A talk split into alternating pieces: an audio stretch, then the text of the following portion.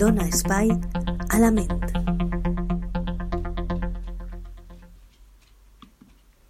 Hola a tots i totes, benvinguts una setmana més a Dona Espai a la Ment. Avui vull parlar-vos del fracàs escolar.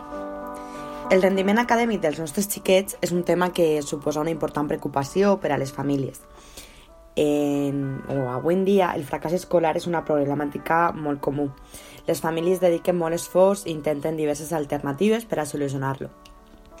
Però són moltes les ocasions en què no s'obté el resultat desitjat esta situació porta amb si conseqüències importants directament en l'àmbit acadèmic i indirectament en els àmbits personal, emocional, social i en el futur dels xicotets, a més de, de les relacions familiars.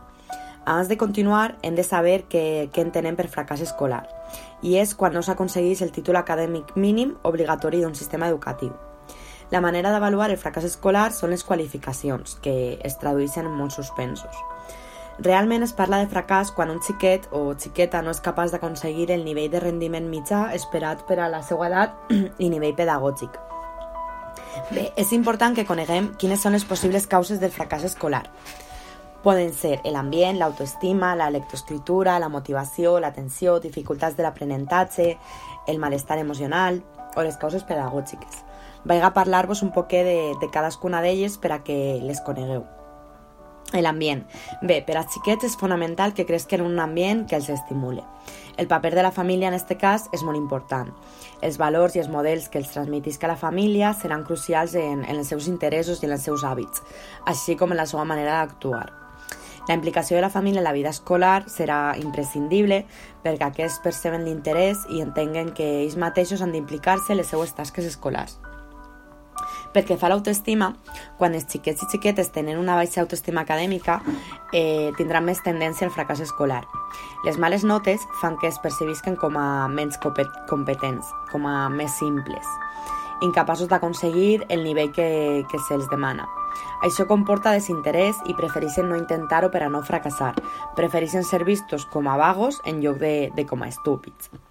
La lectoescritura. Bé, eh, la lectoescritura és fonamental per a construir aprenentatges i per a demostrar el que, el que saben en totes les assignatures. Aquests processos són la base sobre les quals es construeixen tots els aprenentatges de l'actual sistema escolar. Quan no es posseix les, les habilitats necessàries en aquest procés, el seu rendiment escolar eh, descendeix d'una manera notable. La motivació.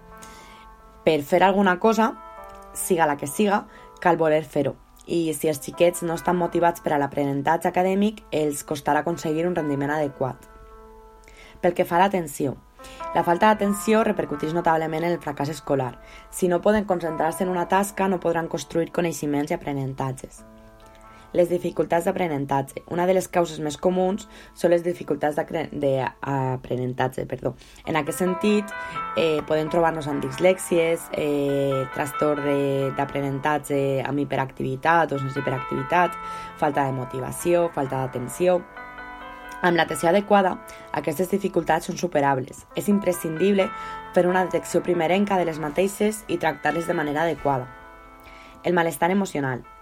Com a persones, qualsevol problema que ens provoqui un malestar emocional influirà en el nostre quefer. En el cas dels xiquets, eh, és lògic que aquests problemes afecten el seu rendiment acadèmic. Les causes pedagògiques. Aquestes causes fan referència a les tècniques i a l'hàbit d'estudi. A vegades el, el baix rendiment ve provocat per l'absència de tècniques i habilitats d'estudi o d'hàbit d'estudi. Si no els ensenyem a estudiar, és, és difícil que obtinguen els resultats desitjats. Què fer per afrontar el fracàs escolar? Bé, eh, jo vull donar-vos 10 pautes o 10 tècniques per a poder afrontar el, el fracàs escolar dels més xiquets. Començarem per l'hàbit d'estudi. A estudiar també s'aprèn, com s'aprèn a qualsevol cosa. És fonamental crear un hàbit d'estudi amb els xiquets des d'una edat primerenca. Com podem fer-ho?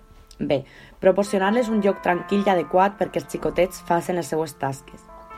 Des d'una edat xiqueteta o primerenca ajuda'ls a crear l'hàbit, fes que se senten cada dia a fer alguna tasca. No és necessari que siga massa temps, però que estiguin centrats en aquesta tasca. És bo que intentes que, que la tasca tinga interès per a que no el veguen com un castig o una obligació. A l'hora de crear l'hàbit d'estudi, ha de ser, en, per exemple, en una habitació tranquil·la, en la que no tinguen estímuls, com ara la televisió, la videoconsola, eh, mòbils, que no tinguen res que puga desviar la seva atenció, perquè quan a més estímuls li donem als xiquets, més es costarà centrar-se. Bé, en segon lloc, animar-los i no manegar-los.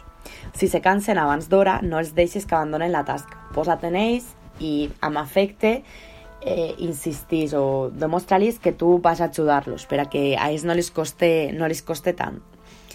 Eh, encara que es queixen o que ploren, ajudar-los a, a fer que acaben la tasca. La motivació, com hem dit abans, és fonamental motivar els xiquets. Hem de fer-los veure eh, dos coses, que poden aconseguir-ho, que amb esforç tot s'aconseguís, i que aconseguir-ho els aportarà una satisfacció personal. Conèixer la causa. Cada cas és únic, cada persona té les seues pròpies característiques i circumstàncies, i és important tindre això en compte. Si el xiquet presenta dificultats d'aprenentatge, haurem d'actuar d'una manera diferent. Si té algun conflicte emocional, hem de centrar-nos primer en resoldre aquest conflicte. El que hem de tindre en compte és que en ninguna de les opcions cal eh, comparar el xiquet amb altre. És a dir, eh, fulanito ha tret un 10 en l'examen i tu has tret un 4. No, això mai, perquè el que fa és afonar al xiquet i fer-lo sentir estúpid. Bé, eh, procures un ambient sa i, i feliç, lliure de conflictes i malestar emocional. Això no vol dir que li tinguem que ocultar els problemes, però sí eh, ensenyar-li a afrontar-los de manera sana i constructiva. Eh, no permetre que es veguen com a perdedors i fer-los veure que els volem per ells mateixos i no per els seus èxits i fracassos. Estimular els processos d'electroescritura de, dels xiquets, és a dir, fes que llisquen de manera comprensiva i que s'expressen de manera escrita. Entrena la seva atenció, és a dir, proporciona'ls un espai lliure de distraccions per a l'estudi, que i augmente el seu temps de centrar l'atenció a poc a poc. És a dir, un dia eh, farem que estiga fent els deures o fent una tasca o llegint un llibre durant 30 minuts. A la setmana següent intentarem que aquests 30 minuts es convertisquen en 40 i així a poc a poc. Eh, també és molt important actuar davant els primers símptomes de fracàs escolar per a que el suspès en una assignatura o una falta en una assignatura no es convertisca en un hàbit. També eh, reforçar positivament els seus èxits acadèmics. Bé, en resum, cada vegada és més habitual que trobem estudiants que tenen males qualificacions escolars sense cap motiu aparent, que, que justifiqui aquest baix rendiment. Pot ser per múltiples factors, com hem dit, baixa autoestima, malestar emocional, dificultats d'aprenentatge, i un llarg, etc. El que està en la nostra mà per ajudar-los és donar-los motivació, conèixer la causa, ajudar-los a crear un hàbit d'estudi, entrenar la seva atenció i motivació, animar-los, reforçar-los i sobretot no deixar que es veguen com a perdedors. Són alguns consells que, que es propose per aconseguir que millore. Espero que us hagi resultat interessant aquest tema i que pugueu aprofitar-lo per al vostre dia a dia. Moltes gràcies.